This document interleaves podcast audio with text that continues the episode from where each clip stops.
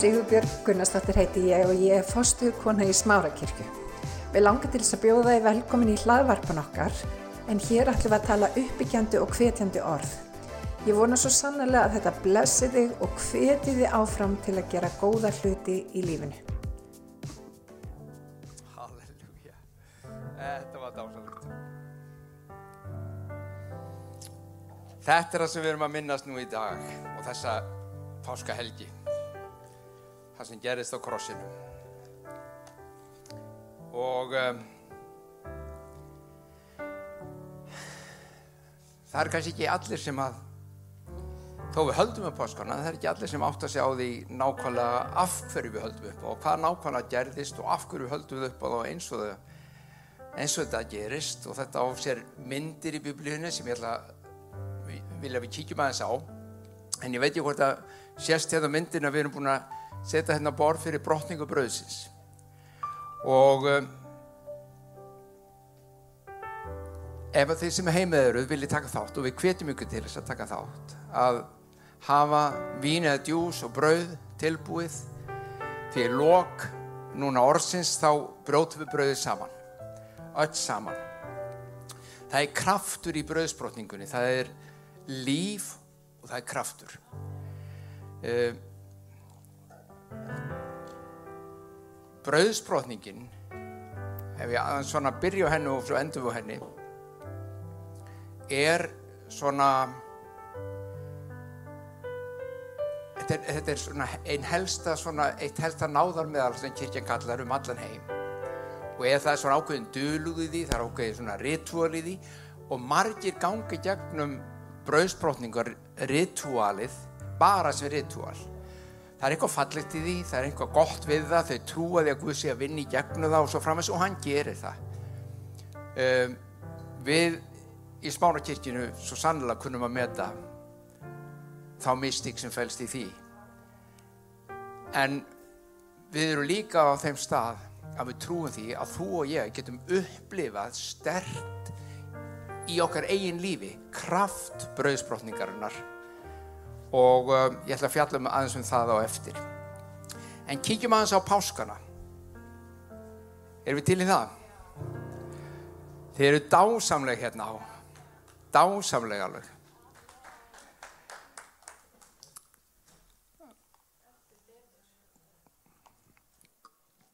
Þetta var ekta páskalofgjörð alveg dásamleg Faði minn, við skulum byggja, faði minn við þokkuðum fyrir það að við megum halda áfram núna drottin minn með, í orðinu þínu, þokkuðum fyrir dásalit orðitt og tóna og, og söng sem að fjekka hljóma. Þannig sem við góðum liftu röddum okkar höndum okkar, sál okkar í söng og lofgjör tilbúslu til þín. Þokkuðum fyrir það. Opnaðu hjört okkar núna fyrir orðið þínu að við meitum skilja og meðtaka og þannig mætti bera þann ávöxt í líf okkar sem þú ætlaði í Jésu nafni. Þetta er skrítni tímar, það þarf ekki að taka, tala meir um það. Þeir eru það og uh, við heyrum það allstaðar, ekki bara hér á landi, heldur út um allan heim að, að kirkjurnar halda sína páskaháttíð á sveipanhátt og við erum að gera núna á einni annan hátt svona á á netinu og uh, það er aldrei sérstakt því að á páskonum er, eru við gjörna og vilja á hittast, koma saman, vera nálat hvort öðru og uh, hér í salnum núna er, er faktisk bara við Sippa og Lófjörðarsveitin og, og, og góðir samkomið þjónar hérna og allir náttúrulega sem nú er þetta orðið dreift úr salin og við ætlum hins vegar að kíkja á, á orðið saman. Og um, eins og ég nefndi á þann að þá er ekki endilega allir sem átt að sjá hvað gerist um páskana en telur þið vita það þá er þetta bara upp, góð upprifun. En ég get lofar því að það mun í þessu sem þessari upprifun okkar mun koma þættir sem að geta og Guð vil nota til að breyta lífið þínu og mínu. Geð okkur nýja ofinbjörn, nýja sín. Ég er alveg samfarið um það. Ættfæðir gýðinga, þetta byrja, byrja bara langt aftur í öldum sko. Hvað, af hverju höldum við páskana? Það er ekki eins og einhver sagði á förstæði langa var ekki þá sem strætu byrjaði að ganga. Ég veit ekki um það reyndar, ég efast um það að hann hafi byrjað að ganga þá. En þessi, þetta, þessi úlingur sem svara þessi förningunum svona, hann, hann var ekki, viss, viss ekkert um páskana. Og þannig er með mörg okkar, við vitum lítið af hverju við höldum páskana. Hvað gerum við um páskana? Jú, við förum á skýði, er það ekki? Eða gerðum það. Það er ekki svo mikið lengur, ekki allavega núna, ekki í ár, vonandi næsta ár. Og um, það er mikilvægt að rifja þessum upp. Hvað er aðalega, af því að við heyrðum það á hann, Rúnar sagði það á hann, hann sagði þetta er helsta háti kristina manna. Af hverju er hún það? Af hverju er hún svona mikilvægt og hvað er það? og hver var fyrirmyndin að henni Hvern, ég ætla að sína ykkur hvernig það gerðist og byrjum þess vegna langt aftur í öldum byrjum á Abraham sem var forfaðir bæði giðinga og múslimarindar í heiminum og í fyrstu Mósebók þetta var laung áður en það var til nokkur sem heitir Ísraels þjóð eða annað slíkt og í fyrstu Mósebók 14. kabla versi 18-19 þá segir að Abraham hafi hitt Melchizedek sem var prestur konungur af Salem segir í biblíunni og þessi konungur hitti Abraham blessaði Abraham með brauð og víni gaf hann brauð gaf hann vín og blessaði hann Melchizedek þýðir réttlætiskonungur og hann var frá Salem og Salem er komið orðinu shalom eða friður. Þannig að þetta var réttlatins konungu friðarins. Í Hebreabrefinu er aftur minnst á þennan konung. Það vissi engin hvað hann kom, það vissi engin hvert hann fór. Og það vissi engin raunverulega neitt um hann. Annað en hann byrtist þarna og í Hebreabrefinu þá segir þessi konungu sem þarna byrtist, hann var mynd upp á Krist fyrir framtíðina og það er það sem ég langar að við skoðum núna því að myndirna sem byrtast í gamla testamentinu nú er ég ekki að krefið um það að þú trúir öllu sem gerist þar það getur vel að þú gerir það en þó þú gerir það ekki skoðaðu myndirnar og sjáðu hvað gerir síðan um krafti og lífi Kris um páskana. Og sjáðu hvernig það speglast. Hebrefa Hebreðarnir sem að síðan eruð Ísraelsmenn þeir um, voru fjötraðir í Egiptalandi í hundruður ára þeir voru þrælar og þar strituður í sveitasins andlits og, og faktist uh, sáu um, þeir voru svona byggingaverkamenn Egipta og þeir þræluðu þeim út til þess að byggja upp Egistaland. Síðan kemur að því að Guð kallar það út og vil kalla það út úr Egistalandi. Þið þekkja þess að sögu, þetta er bara smá upprifun. Þetta er myndin af páskonum, þetta er það sem gýðingarnir, þetta eru páskarnir, nú er ég eiginlega að fara inn á það páskar sem gýðingarnir ennþá í dag haldu upp á. Um, þið munið eftir því í sögunni og eins og enn og aftur hvort þið trúið þessum pláum í Egeftalandi, brotturinu gýðingur í Egeftalandi, förin yfir Rauðahafið, hvort þið trúið þið ekki. Hlustið vel á myndina. Guð segir, það er að koma að pláa, það er svona hálfgeir veira, eins og er í dag, þetta er dauðnans alvara, hún mun fara um og hún mun taka frumburðin. Dauði var í auksín en hann sagði til þess að þið, mitt fólk hebrar sem ég hef kallað, lifið af. Þá er því að byggja um að slátra lampi. Slátrið lampi, eh, taki blóðið og því að rjóða því á dýrastafinn og yfir hurðina að utanverða sjálfsögðu. Blóð úr lampinu átt að fara hann á dyrastafin síðan áttur að taka lampið þetta er mikilvægt steikja það steikja það alveg í gegn og eta það allt og ef það sem er ekki gáttu klárað um kvöldi áttur að brenna daginn eftir. Þegar þeir gerðu þetta þá svo þegar, þegar dauðin kom pláan kom þá fórum fram hjá þeim húsum þar sem blóðið var á dyrastefnum. Allstar það sem ekki var blóð breytti engu hvort það var hebri Egipti eða einhver annar þjóðamadur eða fjölskylda, það sem ekki var blóð þar kom döðin hugsið ykkur. Há alvarlegt. En þar sem var blóð lamsins á dýrastafnum þar fór döðin framhjá og lífi viðhelst þetta er tákmynd upp á hinn kristnu, kristnu páska.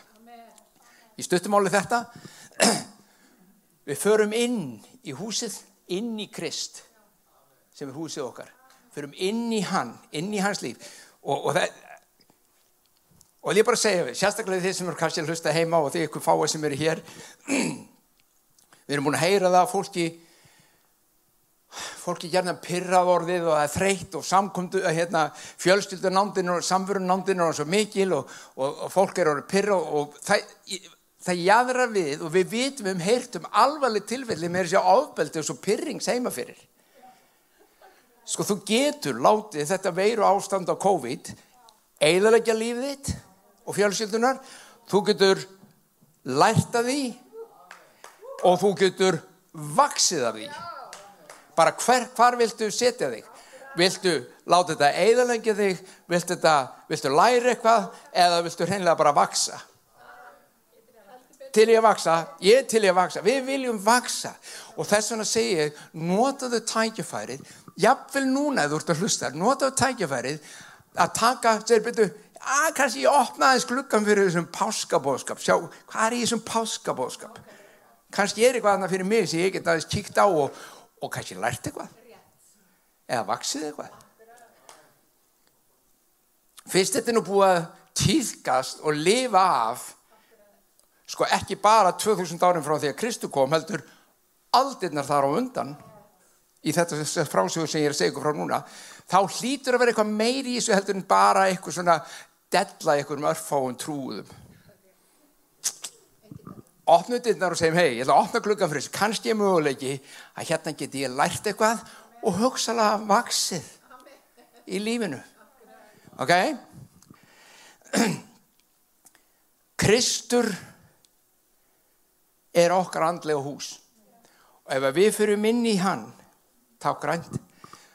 Og blóðið hans er á dýrastafnum þá segir biblían þetta er myndin sem við sáum í, í Egiptalandi að þá segir biblían þá fer faraldurinn, fer döðin framhjá. Þess vegna eru páskar hjá mörgum kallaðir passover eða framhjágangan að döðin fó framhjá. Ok? Þetta er að fyrsta. Er þið með? þetta, þetta er stórgóðsli mynd þetta er stórgóðsli mynd. Ísraelsmenn frá þessum tíma frá þessum degi sem að dróttir saði við þó Móse talaði til þeirra og þeir hérna, Guð talaði til Mósi og töl, hann talaði til þeir og þeir slátur þessu lampi, eitt lampi er heimili og blóðu var sett á frá þeim tíma hafa þeir haldið páska hugsaður, einu sunn ári. Alltaf að fyrirskipun dróttins til hvers? til að muna eftir því að Guð leisti þá. Til að muna eftir því að Guð leisti þá alltaf. Og þá spyrju, spyrju og byrju fyrir gefða haldur minn hvað hefur þetta þá með okkur að gera? Hvað hefur það með okkur að gera? Hvað geðingar gerðu fyrir hundruðum þúsundum og öldum á síðan? Hvað, hvað máli stiftur þetta fyrir okkur? Til að sjá um hvað skipti fyrir okkur, þá ætlum við að stökka fram á við núna til ásins 33 eftir Krist, eða þar um vil. Og kíkjum í Lúkas og nú erum við komin að kjarnanum. Lúkas 22. Það er páskaháttíð í Ísrael, páskaháttíð í Jérúsalem. Jésús er komin upp til Jérúsalem. Þetta eru síðastu páskarnir hans. Sumi vilja meina, já, Jésús og lærisörni heldur aldrei páska. Ég er ósamála því, ég heyrði þessa kenningunni sinni og ég skil ekki inn að hvernig hún er fengin. Auðvitað heldur þið páska. Gýðinglega páska. Þeir fættust og ólust upp í þetta. Þetta var árlegt hjá þeim. Þannig að ég myndi segja að þetta var í sennilega 33. páskaháttíðin sem Jésús hafi tekið þátt í. En þetta var svo síðasta. Ef við lesa, grípu niður. Þetta sem við erum að lesa núna gerðist á skýrdag og er stund sem var á 15. daginn var og er stundin var komin gekk hann, Jésús til borðs og postularnir með honum sér að hann er með postularna tólf einhver aðri með hann og postularnir tólf já, Jútas var ennþá þarna Ískarjótt Það eru allir með. Og hann sagði við þá, hjartanlega hef ég þráð að neyta þessara páskamáltíðar með þauður. Áður en ég líð, áður en ég deg, áður en ég fyrir að líða uh, fyrir syndir mannkins. Áður en ég fyrir að krossin, með öðrum orðum. Ég hef þráð að eiga þessa páskamáltíð með ykkur. Og þetta er henni gíðingluðu páskar hann langaði að halda það með lærisvinnum sínum. Svo segir hann þetta. Ó, því ég segi ykkur, eigi mun ég framar neyta hennar fyrir hún fullkomnast í Guðs ríki.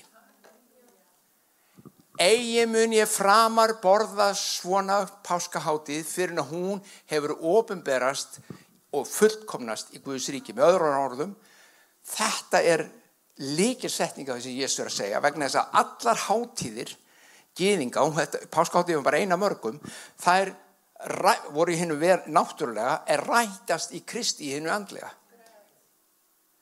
Og hann var hér að segja þeim eftir þessa páskaháttíð stráka mínir verður allt breytt.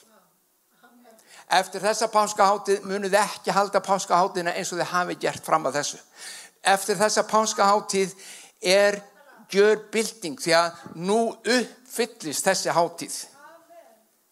Nú uppfyllist það sem að hér, hérni frá er það orðið að veruleika sem Guð setti Ísraelsmennum Hebreum í upphæfi að halda þetta árlega til að minna sig á, til að minna sig á, minna sig á, minna sig á og eitt dag er, sjú, þetta er orðið að veruleika, við þurfum ekki lengur að minna okkur á, þetta er orðið.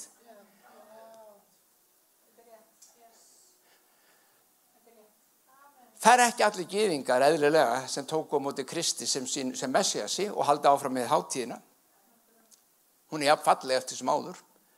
En fyrir þig og mig, fyrir okkur sem tókum á móti Kristi og trúum á Krist sem messias og frelsara, gjör breytist allt. Gjör breytist allt. Hlusti, þetta er ekki búið sko. Ó, svo segir hann. Þá tók hann kaleik, gjörði þakkir og sagði, taki þetta og skipti með ykkur, því ég segi ykkur, hérni frá mun ég eigi drekka af ávisti vinnviðarins fyrir en Guðsríki kemur. Ég mun ekki fram að drekka af svona byggar, vegna þess að Guðsríki er um það byl að koma í krafti og anda. Það sem við erum búin að hafa fyrirmyndir af í einu náttúrulega alla þessa tíð mun hún að rætast í hennu andlega. Og hann tók brauð, gerði þakkir, brauð þá gaf þeim og sagði, þetta er líka með minn sem fyrir yður í gefin. Gjöru þetta í mína minningu. Og ég ætla aðeins að stoppa hérna. Ég puntaði hjá mér þegar gefingar eh, halda páskáttíðina þá er þeir með svona kaleik og það eru fjóri byggarar. Þeir taka fjóra byggara og hver og einn byggar hefur ákveðna merkingu. Fyrsti, ég mun leiða ykkur út. Það er til að minnast að hann mun leiða þú út. Annar byggarinn, ég mun bjarga ykkur. Þriði byggarinn, ég mun frels ykkur. Og fjörði byggarinn, ég mun taka ykkur að mér. Þetta er það sem gíðingar gera árlega. Og þeir fara með þetta og þeir, þeir rifjit upp. Og svo takaði brauðið, eða mattsó eins og heitir á, á hebreusku, sem er elsta páskamáltíðarinnar í, í Ísrael. Táknum frelsun og laust. En hér voru umskiptin um það byrja eiga sér stað. Hér var gamli sáttmálinn um það byrj að klára sig Það var það sem hann var að meina, finnir það fullkomnast. Hann fullkomnaði gamla sáttmálan, hann fullkomnaði hátíðina, hann fullkomnaði sínu eigin lífi, þá fullkomnaði hann. Af hverju? Við tölum ekki um Krist sem páskalambið. Hann var lamb Guð, segjum við. Hann fór á krossin, honum var slátrað. Og fyrir hans blóð sem fyrir okkar dýrastaf eða okkar hjarta, hjarta þá frelsar hann okkur, leysur okkur, leiðir okkur út og gerir okkur að sínum og verndar okkur.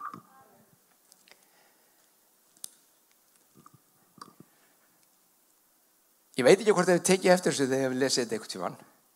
Hann tók kalegin, gerði þakkir, tók brauði, gerði þakkir, svo segir hérna í vers 20, eins tók hann kalegin eftir kvöldmáltíðina og sagði þessi kallikur er hinn nýji sáttmál í mínu blóði sem fyrir þau er úttelt.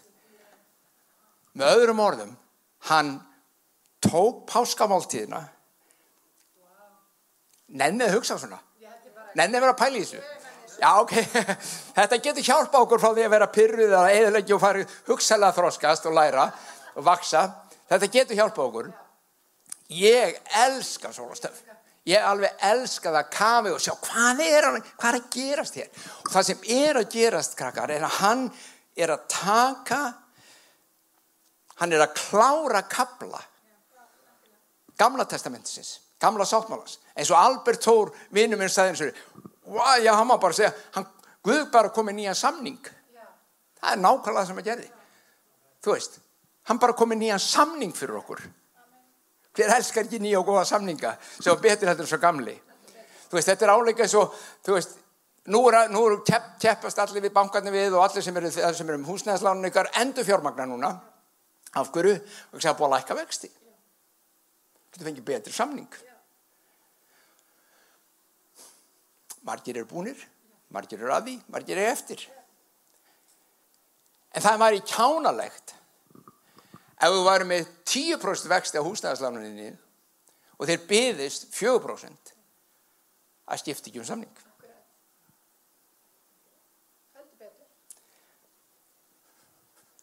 Þetta er munurinn. Hann segir, ég, skal, ég er að koma í nýja, hér gamla verða engu, sjá nýtt er orðið til, ég mun uppfylla það gamla, hef uppfyllt það gamla og nýtt er orðið til.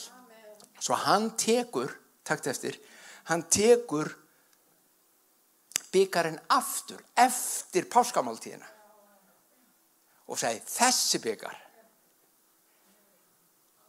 er byggablóðs hins nýja sáttmála, mitt blóð.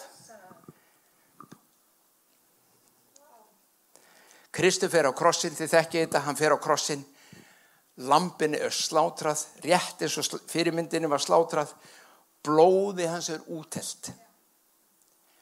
Og það sem gerist er og nú komum við að kjarnanum í kristendómnum og þess vegna vildi ég vekja aðeins aðtikleikur á þessu. Kjarnin kristendómnum, hvort, hvort þið væri ekki til að opna þess ég ætla að segja ykkur eitt, þið sem er ekki í kirkjun okkar eða eh, kannski ekki einu sinna neitt annari kirkju. Smára kirkja er ekki í þeim leiðangri að breyta hegðun ykkar. Við erum ekki hegðunaröðurgla Við erum ekki að fara að stifta okkur um hvernig þið lifið og hegðu okkur. Ég ætla hins vera að segja reitt. Okkur er mikið andum það hverju þið trúið. Svo við erum að eftir ykkur til að sjá þið getur haft áhrif á trún ykkar. Því að þegar trúin kemur, þá gerir stímislegt annað líka. Ok? Svo við viljum spyrja þið núna, er til að skoða hvað hef ég, ef þú hefur yfirleitt eitthvað trú að hugsað um páskana, ertu til að opna hugðið núna og segja, herru, skoðum þetta. Kristu fyrir á krossin og Biblían segir okkur, hann er loka fórnin. Eftir það þurfti aldrei að slátra einu lampi, nöyti, kýðling, engu í viðbútt til að friðþæja fyrir syndi mannsins. Og hér er kjarnin. Hann fer á krossin. Muniði, hann segir, nú erum við kannski, nú erum við að rifja um konaförsta í langa. Nú er, hann segir, Guðminn, Guðminn, hví hefur yfirgefið mig?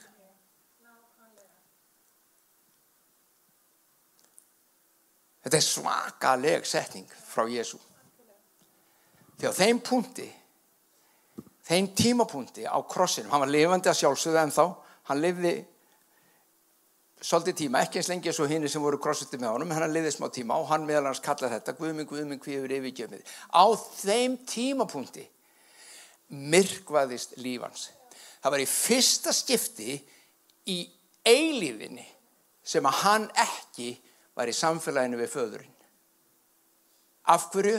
Vegna þess að synd mannkinsins alls, þín synd, mín synd og allra synd var sett á líkama kris. Og hún gerði nákvæmlega sama og gerðist með lampið í Egiptalandi. Það steikt hann. Þetta er ljótt orð, en það steikt hann. Það gjörsanlega brenda hann upp til hann, það eiðilaði lífans, það braut hann, það hjartaði hann um brast, hann, hann var algjörlega einn og yfirgefin og ekki bara það elsku vinni, hann tók alla sjúkdóma þína með á krossin. Biblíðan segir, fyrir hans benjar, fyrir þau sár sem hann hlaut, er þú heilbriður. En veitu þið hvað? Í Rómarabrjöfunu 5, Kólusubrjöfunu 3 og fleiri stöðum segir, og þú og ég dóum með honum á krossinum. Og þú segir, þetta er meira. Ég er sprell levandi þetta. Já.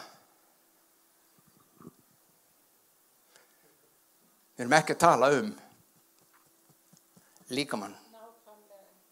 Við erum að tala um innræðilu okkar, innri mannin okkar sem að Guð segir nú teki alla með, allt mannkynnið og deyði það á krossinum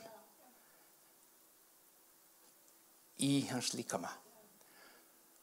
Og þegar hann rýs upp til nýs lífs, þá rýsum við með honum til nýs lífs í okkar innra manni. Ég veit, þetta er ekki eitthvað svona bara, já, ok, ég fatt þetta alveg. Nei, þetta er ekki endilega eitthvað sem við föttum bara allt í einu. En þetta er þess virði að rannsaka, þetta er þess virði að skoða og vita hvað þýðir.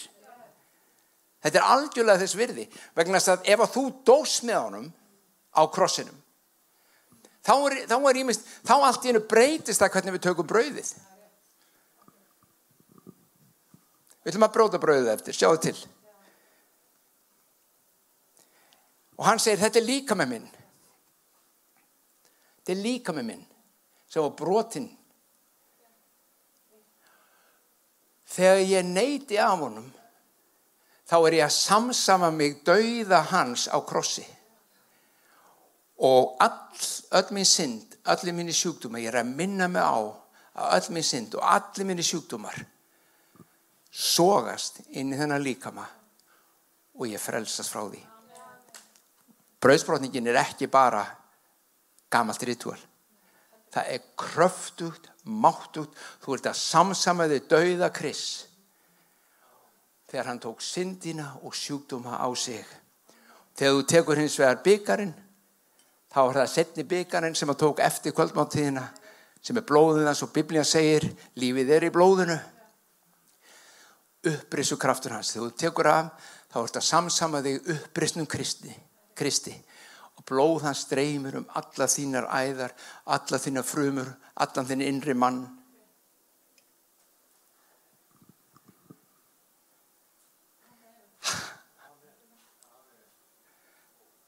Þetta er páskáðið Þess vegna eins og Rúnar sagði á hann er þetta stærsta hátíður okkar. Þetta er það sem að breyti öllu. Þarna verður kaplaskil. Þarna breytist lífið, þegar gamla var það einhver, nýtt var orðið til og þér og mér býðs nú að koma inn í þetta líf. Hann gerir þetta fyrir alla sjáðu. Alveg sama hver þú ert, hvað þú kemur, hvert þú ert að fara, hvernig þú ert heima hjá þér eða ekki. Skilur, það breytir einhver. Þetta er fyrir þig líka það er undir þér og mér koma og segja, herru, ég vil þetta inn í mitt líf. Ég vil meðtaka þetta inn í mitt líf. Ég vil að mitt gamla dót degi. Biblían segir þetta á annan hátt, álítið sjálfukar dáinn. Með öðrum ára þú þetta byrja að hugsa, herru, þetta gamla drasl, það dó. Það krossfest var með honum. Hver er ég? Ég stundu sagt að þess vegna sagði ég þetta áðan með það að við erum ekki hegðun og laurugla að því við höldum, margir halda það að kristendómun gangi bara út á einhverju hegðun. Þú veist, þú verður hegðað rétt annars verður Guð bara pyrrar út í þig. Það er þetta gamla. Ef þú gerir þetta þá skal ég sagði Guð í nýja sáttmálunum sagði nei nei, Kristu gerir þetta og þess vegna áttu.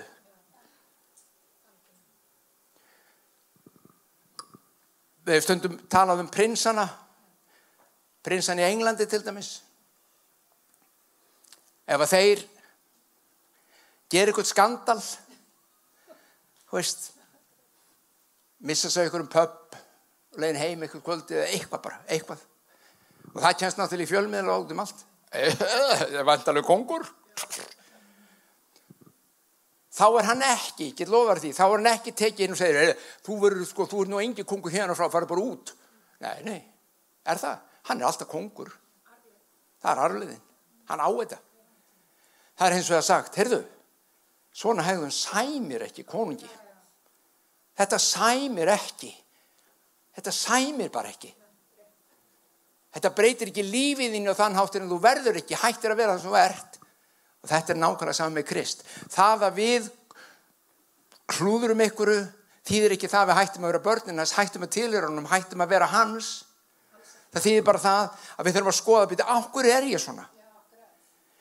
Og ég get alveg sagt þér ég er algjörlega samfórar eftir þetta, nú er ég ekki fættur í gær.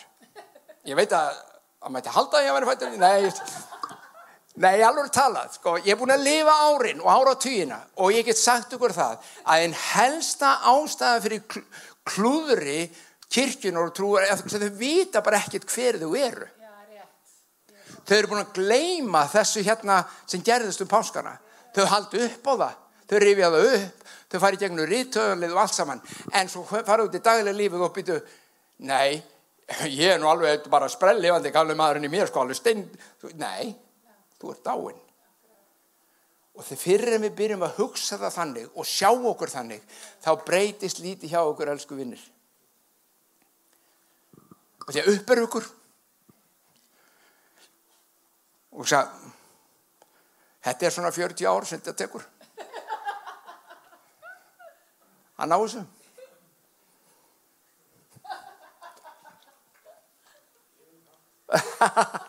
Tími liður hratt að COVID veiru öld nei, hann gerir það blekki það finnst öllum tímin bara að standa í stað. Og þá kemur hvað mikið neina einu sinni. Notaðu þennan tíma og skoðaðu hvort að innri maðurinn þurfu ekki smá aðhald núna. Mér fannst gott það sem að Þórólur saði við okkur í sjóhapunum daginn, mann ekki nákvæmlega hvernig orðaðin inni heldur við þetta, hvað mun það skada þjóðuna þó þurfum að fara aðeins hægar yfir fram á áramótum? Hvað mun það skada okkur? Og nú er ég ekki að gera lítið úr efnarslegum áhrifum og þungum áhrifum, en það var hann ekki að meina það, hann er bara að segja þó að þú farir sjálfnar til útlanda Þó að þú gerir þetta sjálfna heldur ert vanur að gera. Þó þú lifir aðeins lægra heldur ert vanur að gera. Er það ekki þá bara allt í lægi? Og það er það sem að þetta gengur út á elskunni. Þá notum við tíman til þess að fara inn og skoða líf okkar. Og nú ætlum við að brjóta brauðið. Gáðu hólum minn. Þið sem eru heima þið takið takið ykkar byggar og ykkar við blessum þetta fadir í Jésu nafni í Jésu nafni þið sem eru í salnum og dreifum salin, hann kemur bara með þetta til ykkar þið sjáu hann er með hanskana sín á alveg svo þetta á að vera við hlýðum viði og ég byrði ykkur um að taka bæði brauð og vínið eða djúsin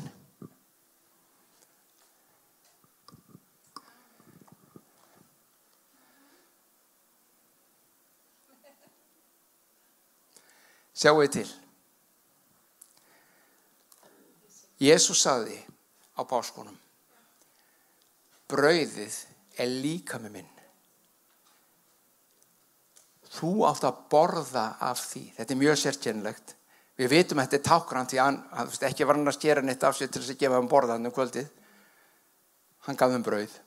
Þetta er tákrand. En brauðið er tákrand um líka með minn. Þú etur það Hvað gerist þú brauð þú etur það? Það verður hluti af þér. Það verður hluti af þér, aldjúlega hluti af þínu líkama. Og þú að hugsa, þegar ég er að borða þetta brauð líkama kris, þá er ég að samsama mig líkama kris sem fór á krossin og dó fyrir mig.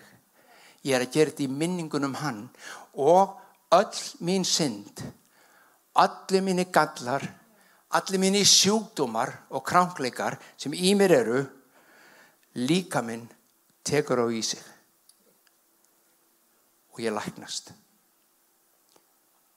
þannig þurfum við að byrja að sjá okkur Fæðu minn við blessum brauðið og við minningu þína um líkama þinn sem þú fóst með á krossin og dóst fyrir okkur til að taka á þig, okkar synd og okkar sjúkdóma. Þannig að við mættum vera réttlæti Guðs í Kristi, heilbrið og hraust. Þá tökum við nú af og samsum okkur líka með okkur gamla manni dauða þínum í Jésu nafni. Tökum saman, ersku vinnir.